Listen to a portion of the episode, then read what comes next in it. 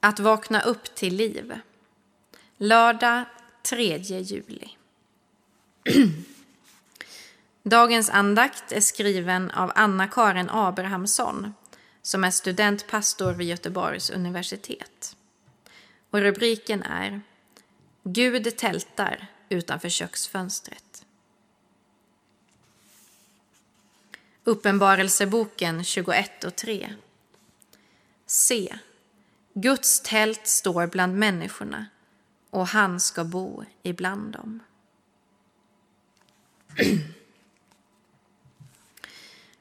Vi bestämde oss för att skaffa ett tält i somras. Det är det bästa sättet att få ut det mesta av semestern, sa Felix, vår granne. Vi gick på det. Trots att ingen av oss har erfarenhet av varken friluftsliv eller scouting. Jag började ändå drömma om allt vi skulle få uppleva som naturnära familj i våra gröna praktiska fjällräven-kostymer. Med vårt enkla liv paketerat i ryggsäckar skulle vi ta bilen uppför slingrande ormvägar i de norska fjällen. Vi skulle mötas av gudomliga blå vyer varje morgon när vi drog upp dragkedjan till en ny dag. Vi skulle ta oss till Österlen och spontant slå upp vårt tält på en öde strand.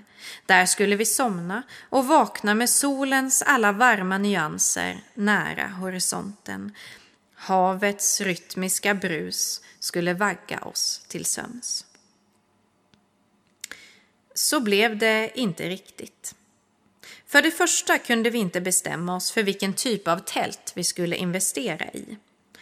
Lagom stort, lagom dyrt och lagom avancerat. Inget föll oss i smaken. För det andra attraherades vi inte av att stoppa fötterna i sovsäckar när julihettan slog till. En dag kom den där grannen och dumpade ett av sina tält på vår trapp bara för att ge oss en chans att få uppleva hur det är att somna under en tältduk innan sommaren var över. Ett par veckor senare kom vi äntligen till skott och satte motvilligt upp det lånade tältet. Då hade det hunnit bli augusti och de storslagna semesterdrömmarna hade bleknat av solen och kraften räckte precis till att packa badväskan igen med kex och kaffe. Tältet fick stå uppe längre än planerat eftersom delar av familjen valde att bosätta sig där. Att lägga kinden mot en kall, fuktig kudde och dra sovsäcken upp till hakan blev semesterns största omfamning. Vid varje skymning kröp sonen intill mig med uppspärrade ögon i mörkret och vi lyssnade efter grodor och syrsor i sommarnatten. Vi hörde nog ett och annat lejon också. När vi vaknade i gryningen tog jag några barfotasteg i morgondagen in till köket för att brygga morgonkaffet och det har sällan smakat så gott. Jag tenderar att ha storslagna idéer om den ultimata semestern varje vår. Men oftast blir de enkla sakerna som vi minns med mest tillfredsställelse. Detsamma gäller min gudsrelation. Jag blir gång på gång påmind om det faktum att Gud genom Jesus valde att bli människa och faktiskt tältade mitt ibland oss. Det ger mig en frid som är djupare än vad alla mina storslagna semesterdrömmar kan åstadkomma. Jag har haft så många storslagna idéer om hur Gud ska visa sin närvaro för mig. Jag har längtat efter att få möta Gud som ett majestätiskt norskt bergslandskap eller som en stilla solnedgång över en vit strand. Praktfullt, magnifikt Tyvärr har Gud sällan visat sig för mig på det sättet. Kanske av den enkla anledningen att jag nästan aldrig befinner mig på sådana platser. Min vardag levs mest med vin från köksfönstret, även på semestern. I Bibelns sista bok beskrivs Guds slutgiltiga löfte till mänskligheten med en bild som berättar att Guds tält ska stå mitt ibland människorna. Det är så Gud vill uppfylla sina löften om gemenskap, tröst, läkedom och evigt liv till världen. Då ska gränsen mellan himmel och jord bli tunnare än en fuktig tältduk i juli. Guds längtan är inte att möta oss bortom vår vardag. Gud möter oss med sin godhet och visar oss det bästa vi har, mitt i semestertröttheten. Jag tror att Gud tältar utanför varje köksfönster. Vi ber. Tack Gud för att du vill tälta utanför mitt köksfönster. Tack för att du vill dela min vardag, min trötthet och min längtan. Tack för semesterns möjlighet att lära känna dig på nytt.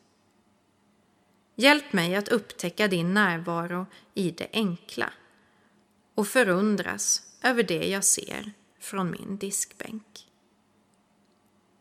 Amen.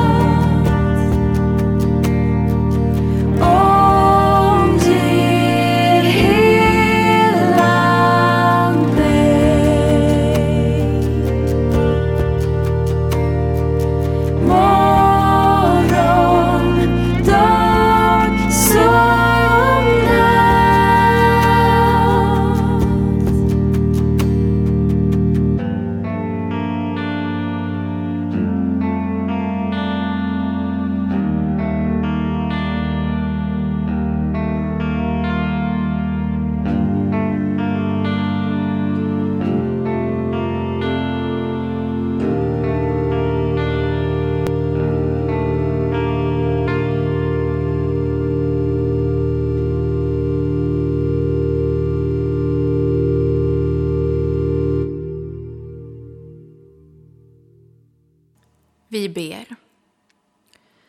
Vår Fader, du som är i himmelen. Låt ditt namn bli helgat. Låt ditt rike komma. Låt din vilja ske, på jorden så som i himmelen. Ge oss idag det bröd vi behöver och förlåt oss våra skulder, liksom vi har förlåtit dem som står i skuld till oss. Och utsätt oss inte för prövning, utan rädda oss från det onda. Ditt är riket, din är makten och äran i evighet. Amen. Ta emot Guds välsignelse. Herren välsigne dig och bevare dig. Herren låter sitt ansikte lysa över dig och vara dig nådig. Herren vände sitt ansikte till dig och giver dig frid. I Faderns, i Sonens och i den helige Andens namn.